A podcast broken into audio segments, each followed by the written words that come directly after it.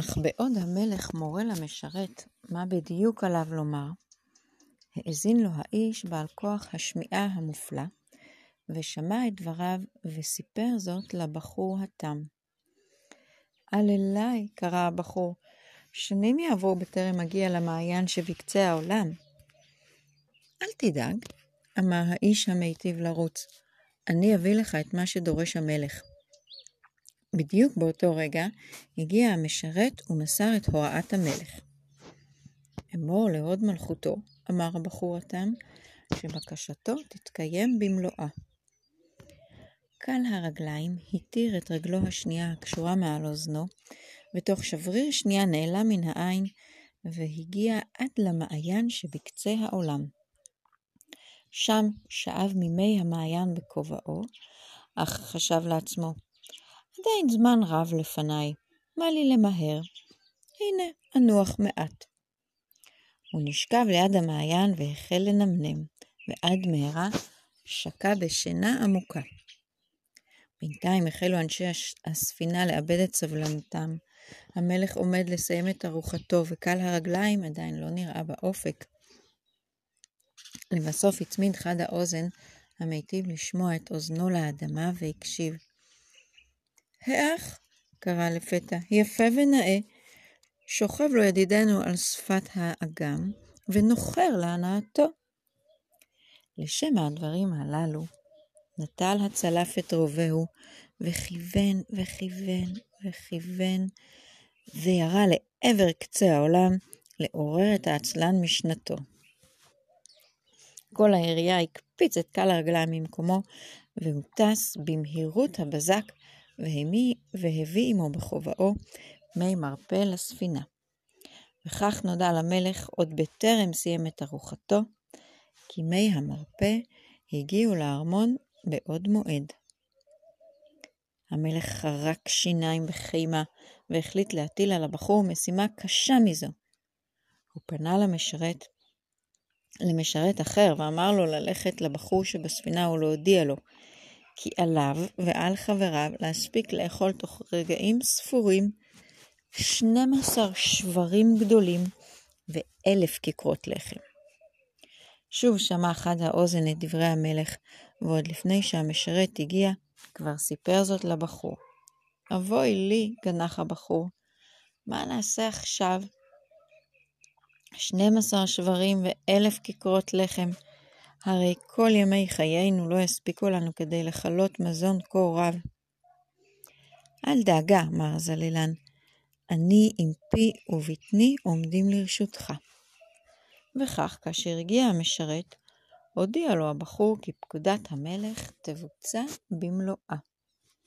12 השברים הצלויים ואלף כיכרות הלחם הובאו לספינה. אך לפני שהייתם מספיקים לומר אפילו לא פאפ, וכבר גמר הזללן לזלול הכל. זאת הייתה ארוחה לא רעה כלל, ציין, אם כי הייתי מוכן לאכול עוד ארבעה שברים לפחות. לאחר מכן החליט המלך להטיל עליהם לשתות שישים חביות יין. ושוב, כאשר סיפר זאת חד האוזן לבחור התם, נחרה רוחו של התם, וייאושו תקף אותו. אללי, קרא, שישים חביות יין לא נספיק לשתות גם בשנתיים. אל תדאג, אמר הגרגרן שבחבורה, השאר את המלאכה הזאת עבורי.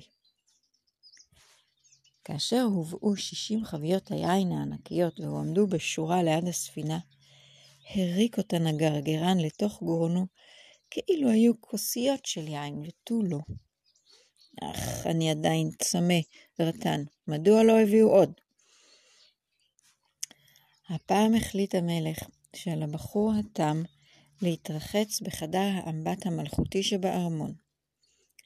חדר האמבט הזה היה בנוי כולו ברזל, והמלך נתן הוראות למשרתיו לחמם את חדר האמבט עד כדי כך שהבחור ייחנק מרוב חום. ואכן, כאשר נכנס הבחור לחדר האמבט ראה שקירות הברזל כבר אדומים ולוהטים. אך למרבה המזל, נתן לו ידידו בעל ערימת הקש מעט מן הקש שלו. והבחור פיזר זאת על רצפת חדר האמבט.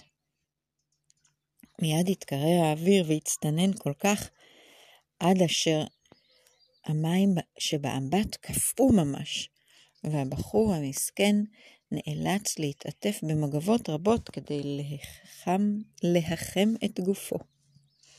וכך במקום למצוא אותו בבוקר מת מרוב חנק וחום, מצאו אותו חי כששיניו נוקשות מקור.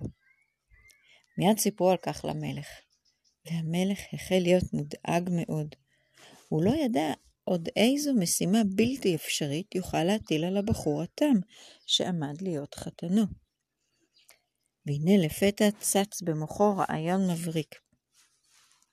אמרו לנבל הזה, צרח, שעליו להמציא לי צבא גדול עד מחר בבוקר.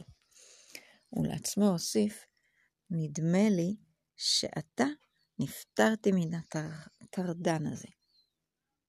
אך כמו קודם, שמע חד האוזן את דברי המלך, וכבר הודיעם לבחור התם.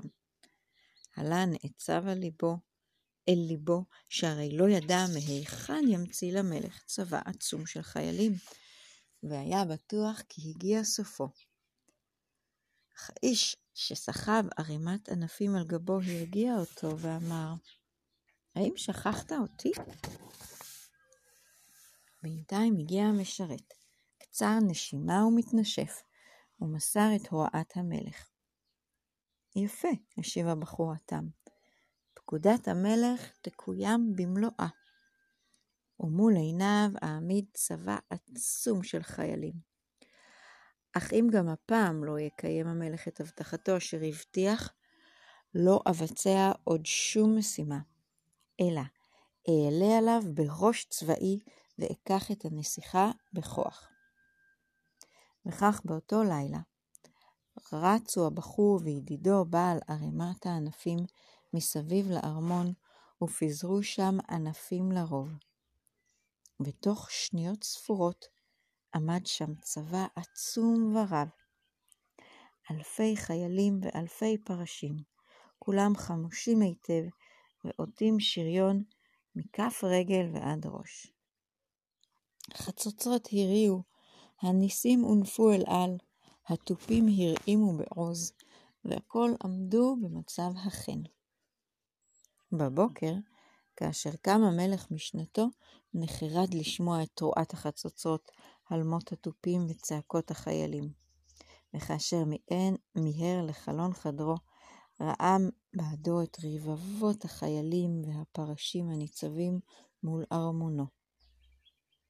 כידוני הפרשים הבהיקו באור החמה. ניסי הגדודים נישאו אל על והתנפנפו ברוח, והמלך היהיר אמר בליבו, חסר אונים אני מול הבחור הזה, ומוטב שאמלא את רצונו.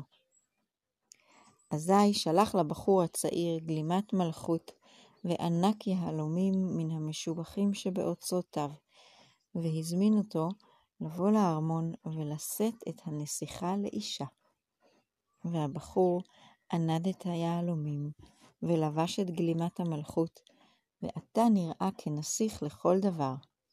והנסיכה ראתה אותו והתאהבה בו מיד. מעולם לא נחוג החתונה כה מפוארת כמו חתונתם של השניים. היין נשפך שם כמים, והאוכל היה שם בשפע כזה, שאפילו לזללן, וגם לגרגרן, היה די והותר לאכול לשובע ולשתות לרוויה כאוות נפשם.